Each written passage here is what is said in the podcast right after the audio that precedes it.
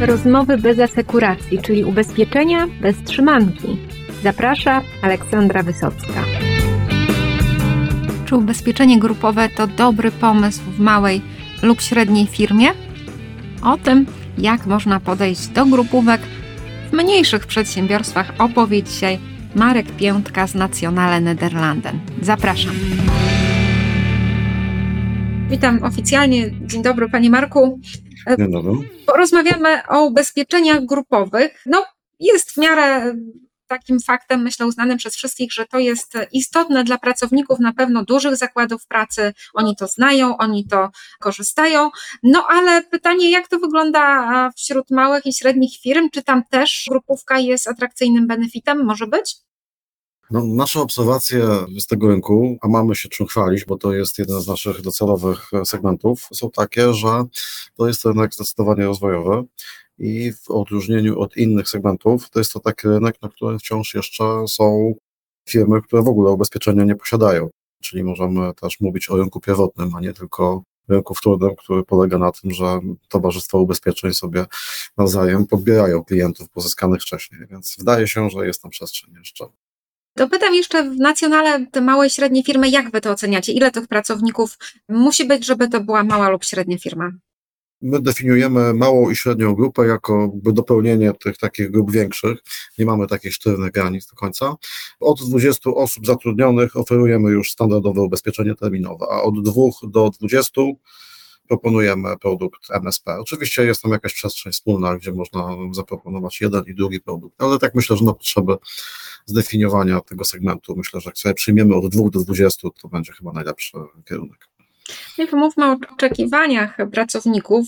No, kiedyś to urodzenie dziecka, tak, zgon rodzica, teścia, to były takie żelazne elementy ubezpieczenia grupowego. To na szczęście od już ładnych paru lat zaczyna powoli się zmieniać. Jak to wygląda w segmencie małych i średnich firm? Czego potrzebują pracownicy takich podmiotów? No, wygląda to podobnie jak na całym rynku. Aczkolwiek, no przede wszystkim małe i średnie przedsiębiorstwa to są jednak wciąż często firmy, w których taka świadomość ubezpieczeniowa nie jest coś takiego duża. Tak, bo no, w przypadku tych największych firm, no to są to działy kadrowe albo benefitowe, które zajmują się tym, żeby takie programy dla pracowników przygotowywać.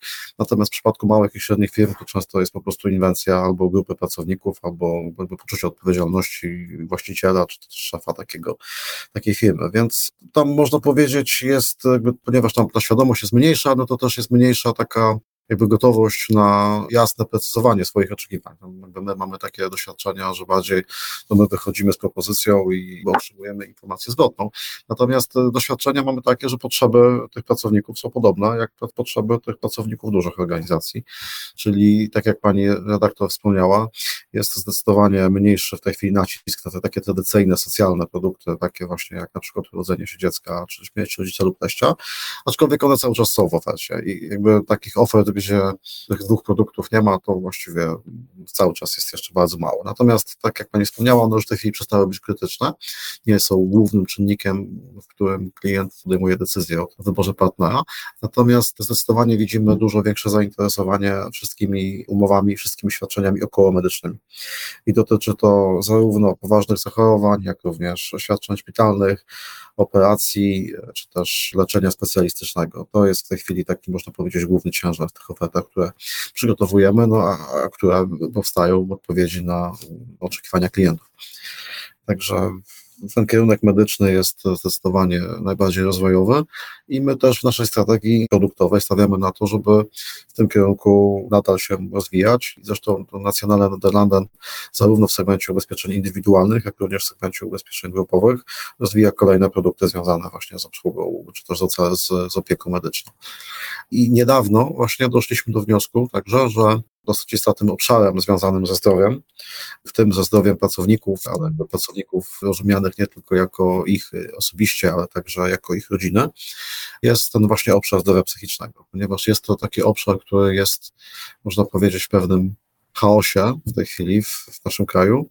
Z jednej strony wiemy, że potrzeby bardzo gwałtownie rosną i to można znaleźć w bardzo wielu źródłach, czy też po prostu dowiedzieć się tego, nawet rozmawiając ze swoim własnym dzieckiem. Natomiast jeśli chodzi o dostępność systemu publicznego, ale także jeśli chodzi o dostępność nawet prywatnych specjalistów, to ona jest ograniczona. Ten rynek jest bardzo fragmentaryczny i nie ma takiego systemowego, można powiedzieć, prowadzenia za rękę osoby, która naprawdę potrzebuje pomocy. To w zależności od tego, kto jest jak bardzo sprawny w poszukiwaniu pomocy, ten sobie radzi lepiej lub gorzej. No a to jest, wydaje się, szczególnie trudne w przypadku osób, które mają problemy ze zdrowiem psychicznym, no bo one jakby są w takim okresie, kiedy ich możliwość takiego efektywnego i przedsiębiorczego działania jest zdecydowanie wstrzymana, więc wtedy, kiedy najbardziej potrzebują tej pomocy, no to nie mogą jej dostać. I postanowiliśmy odpowiedzieć właśnie na tę sytuację, na tę potrzebę, którą można powiedzieć, między wierszami z rozmów z klientami czytamy i zaproponować taki produkt, który właśnie będzie uzupełniał taką klasyczną ofertę zdrowotną o ten obszar związany ze zdrowiem psychicznym. No i jak taki dodatek do produktu będzie funkcjonował w praktyce? Na co mogą liczyć pracownicy? Praktyce jest to umowa dodatkowa, która występuje w dwóch wersjach. Jest to wersja indywidualna dla konkretnego pracownika, albo jest to wersja rodzinna, w której objęte ochroną są również dzieci jego małżonek czy też partner. I zakres tego ubezpieczenia składa się z dwóch elementów. Pierwszy element dotyczy takiej pomocy doraźnej poprzez dostarczenie usług. Są to zarówno konsultacje psychologa i psychiatry, które mogą się odbyć w formie telefonicznej czy też zdalnej, ale także na życzenie klienta one mogą się odbyć w formie osobistej konsultacji.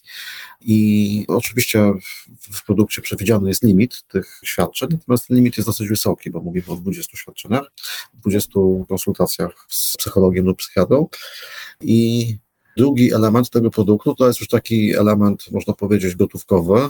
To jest świadczenie ubezpieczeniowe, świadczenie gotówkowe, które jest wypłacane klientowi, czy też ubezpieczonemu, który przez co najmniej 21 dni przebywał w szpitalu wskutek zdiagnozowania depresji lub nerwicy. Przy czym przez nerwica, nerwica to jest to popularna taka nazwa codzienna, natomiast tak bardziej oficjalnie mówi się w tej chwili o zaburzeniach lękowych.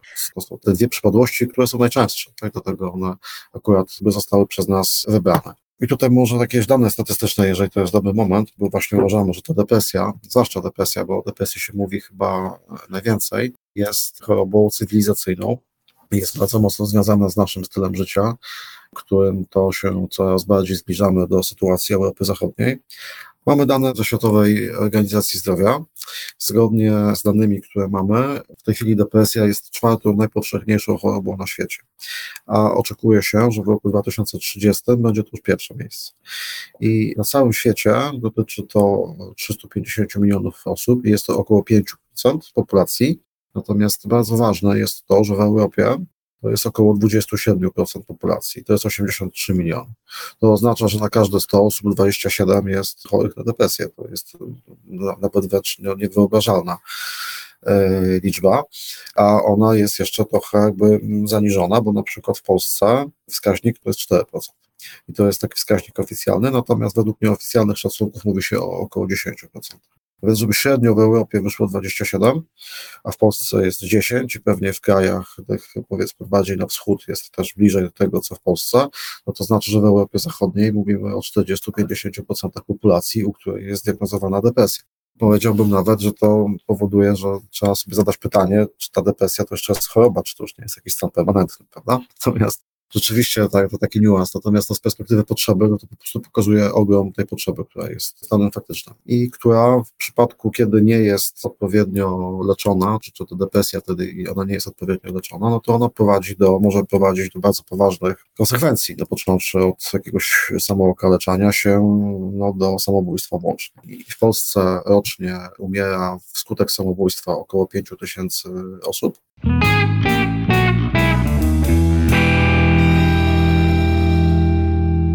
Cieszy fakt, że chociaż ubezpieczyciele, a tutaj na przykład Nacjonalne Nederlanden reagują na te wyzwania społeczne. Rozumiem, że się nie boicie depresji.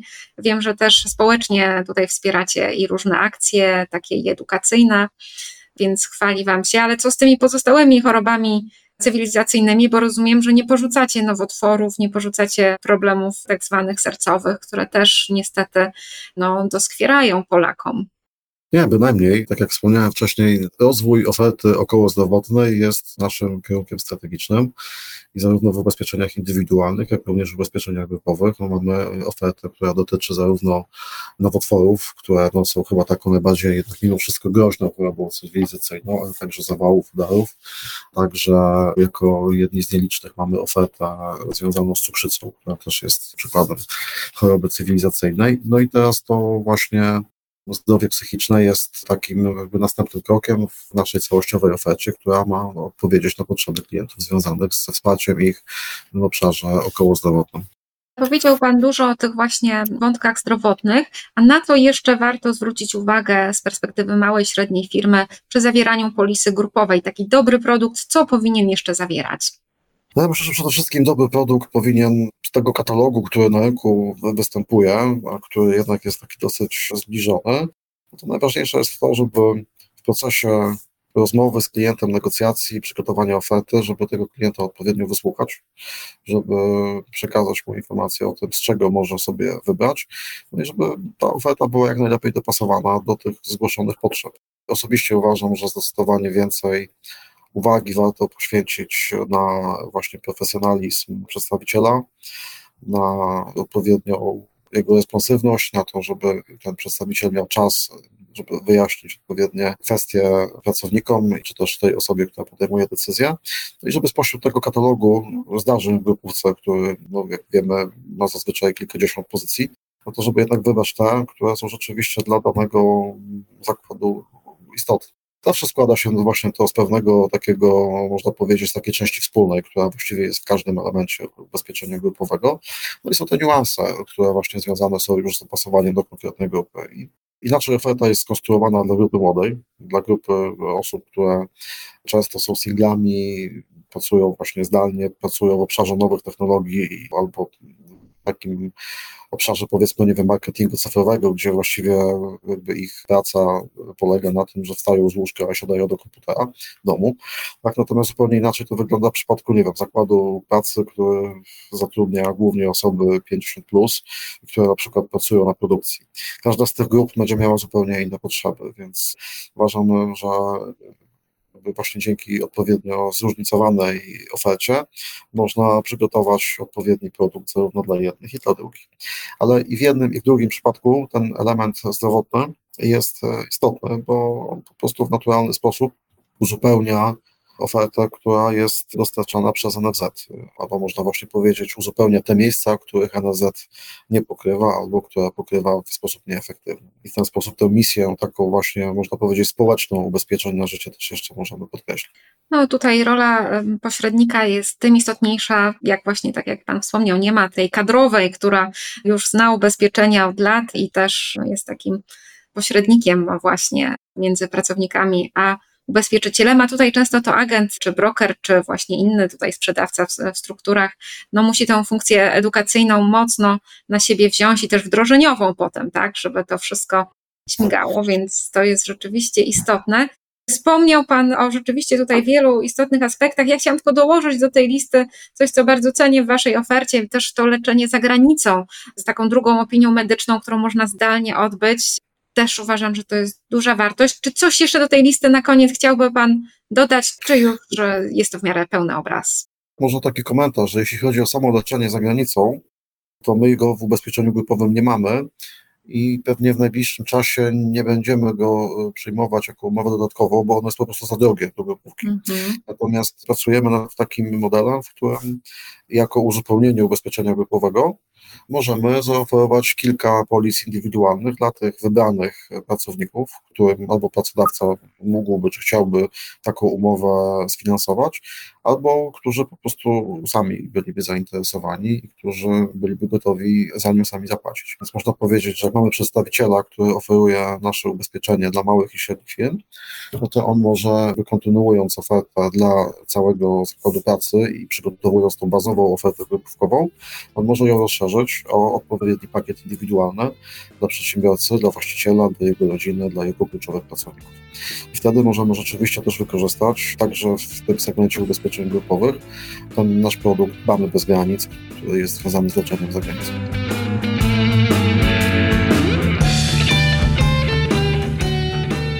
Warto pamiętać, że w polskiej gospodarce właśnie małych i średnich firm jest najwięcej. To ważne, żeby ich właściciele i pracownicy byli odpowiednio chronieni. Bardzo dziękuję za wysłuchanie tego odcinka podcastu ubezpieczeniowego Rozmowy bez asekuracji.